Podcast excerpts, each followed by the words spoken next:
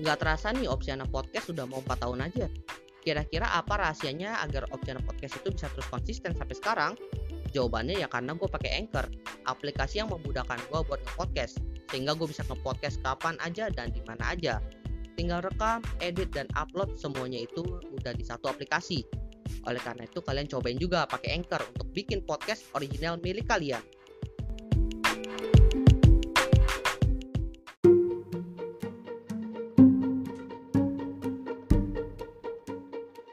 Selamat datang di Tutup 2022.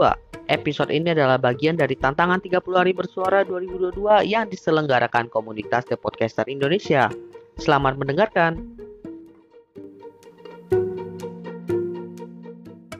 Kenapa bisnis itu butuh sistem? Kalau kita bicara soal sistem ya, sistem itu mungkin identik dengan aplikasi sekarang ini. Kalau korporasi mungkin mengenal yang namanya ERP, CRM, dan lain-lain. Kalau usaha kecil mungkin mengenal yang namanya aplikasi kasir seperti POS. Tapi sebenarnya kalau kita bicara sebuah sistem dalam bisnis itu lebih dari itu. Sistem dalam bisnis itu bisa berupa aturan, bisa berupa SOP, dan juga aplikasi seperti tadi. Tapi pertanyaannya, kenapa sebuah bisnis itu butuh yang namanya sistem? Langsung aja kita bahas di Opsiana Podcast kali ini. Yang pertama, sistem itu bisa meminimalisir kecurangan yang dilakukan oleh oknum yang tidak bertanggung jawab. Tentunya ketika kita buat usaha pertama kali lalu kita hire karyawan, ada kemungkinan karyawan ini menjadi oknum yang tidak bertanggung jawab di mana bisa melakukan kecurangan ketika tidak diawasi oleh kita. Tentunya kita sebagai business owner ya tidak bisa terus berada di bisnis kita jika kita ingin bisnis kita itu scale. Tentunya kita harus mengalokasikan waktu dan tenaga kita di tempat lain yang bisa membantu pertumbuhan dari bisnis kita. Sehingga hal ini membuat bisnis kita itu tidak terawasi dengan baik. Bentuk kecurangan yang sering terjadi itu adalah stok barang yang jumlahnya itu tiba-tiba berkurang tanpa ada penjualan Kemudian jumlah uang yang diterima tidak sesuai dengan penjualan yang didapatkan atau bahkan barang yang kita miliki itu dijual dengan harga yang jauh lebih tinggi daripada seharusnya. Tapi yang masuk ke kita itu ya dengan harga jual kita. Tentunya apa yang dilakukan oleh oknum ini ya merugikan bisnis kita. Oleh karena itu kita harus punya mitigasi agar hal-hal tersebut tidak dapat terjadi di bisnis kita. Cara paling mudah ya dengan membuat aturan atau SOP yang harus diikuti oleh karyawan. Kemudian juga bisa menerapkan sistem aplikasi sehingga datanya itu tidak dapat dimanipulasi dengan mudah. Lalu juga bisa dipasang hardware-hardware atau semacam kamera CCTV untuk memantau kinerjanya.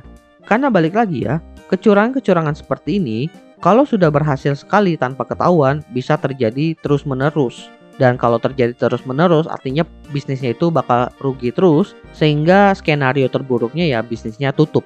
Dan ini bukan kasus yang khusus, bukan. Ini udah kasus yang umum. Jadi ya bisa terjadi di mana saja oleh siapa aja. Karena balik lagi, oknum yang tidak bertanggung jawab itu banyak. Karena ada kesempatan, tidak ketahuan, dan tidak ada punishment. Alasan kedua kenapa bisnis itu harus pakai sistem adalah untuk mengurangi kesalahan input data.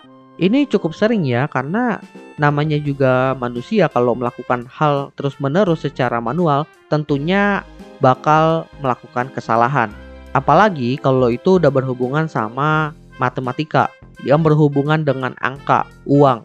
Dan tentunya dalam bisnis hal itu krusial. Beda 1-0 aja itu udah bisa bikin bisnisnya itu rugi. Dan yang bikin repot adalah kalau seandainya hitungannya itu salah, kita harus nge-tracing lagi dong data mana nih yang mempengaruhi dan nge-tracingnya itu ribet banget. Apalagi kalau lu masih pertama kali jalanin bisnis lalu pembukuannya itu sebulan sekali dan salah hitung, aduh itu bisa ngulang dari awal. Mana bondnya juga banyak kan?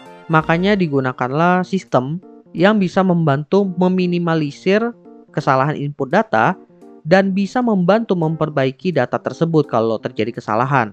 Misalnya dari segi SOP aja deh, di mana satu jam sebelum tutup bisnis misalnya dilakukan perhitungan bond dan bond tadi ditaruh berdasarkan susunan tanggal. Dengan begini, kita itu udah nggak perlu ngitung semua bond dalam satu hari untuk satu bulan. Tapi kita cukup totalin total dari bond setiap hari yang sudah dihitung per harinya. Atau kalau pakai sistem, kita tinggal tarik data aja kan. Semua perhitungan kalau udah pakai aplikasi itu kan juga udah otomatis. Jadi bisa dibilang meskipun terjadi input data yang salah, kalau kita udah pakai sistem atau pakai aplikasi, melakukan perbaikannya itu menjadi jauh lebih mudah. Lalu, poin terakhir, kenapa bisnis harus pakai sistem? Ya karena sistem itu bisa mempercepat proses bisnis. Kalau kita udah menerapkan sistem, entah itu SOP atau aplikasi, artinya kita udah membuat langkah yang terstruktur dengan membuang hal-hal yang tidak efisien Tentunya hal ini pun bisa berdampak kepada produktivitas karyawan, kemudian peningkatan laba, dan juga kemudahan dan efektivitas dalam pengambilan keputusan. Kenapa bisa seperti itu? Pertama, dari karyawan yang produktif. Karena mereka itu udah nggak kebingungan harus ngelakuin apa, dan mereka udah bisa fokus ngelakuin sebuah aktivitas berdasarkan waktu yang sudah ditentukan di dalam SOP-nya.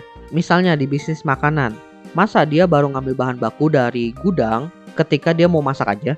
Artinya setiap ada pesanan dia harus bolak-balik ke gudang. Nah, bolak-balik ke gudang ini yang memakan waktu dan tenaga. Tapi kalau dia menerapkan SOP misalnya, setiap pagi itu bahan-bahannya udah disiapkan dan baru ditaruh itu ketika satu jam sebelum pulang. Nah, dia kan berarti cuma bolak-balik ke gudangnya itu dua kali kan, ketimbang bolak-balik ke gudang pas masak. Tentunya dengan begitu, karyawan kita itu bisa melayani customer kita lebih cepat karena dia langsung fokusnya dimasak aja, nggak perlu bolak-balik ke gudang. Dan dari customer pun nggak perlu nunggu lama-lama. Artinya waktu servingnya itu cepat. Kalau waktu servingnya itu cepat, kemungkinan customer ninggalin kita karena waktu servingnya lama itu kan berkurang ya. Sehingga pemasukan dari bisnis kita bertambah.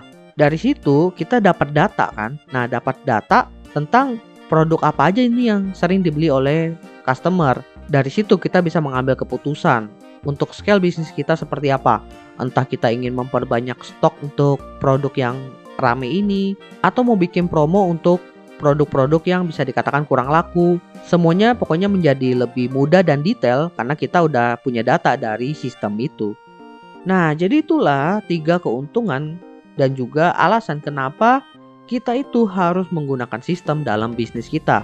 Menurut kalian gimana? Apakah kalian udah mulai tertarik nih buat menerapkan sistem atau pakai sistem? Semoga ya ketika bisnis kalian itu udah pakai sistem, bisnis kalian itu menjadi jauh lebih terstruktur dan juga lebih rapi sehingga memberikan dampak yang positif juga kepada kalian tentunya. Well, gua rasa itu aja yang pengen gue bahas di Opsiana Podcast kali ini. Thank you buat teman-teman yang sudah mendengarkan. See you next time di Tutup 2022 episode lainnya. Bye semuanya.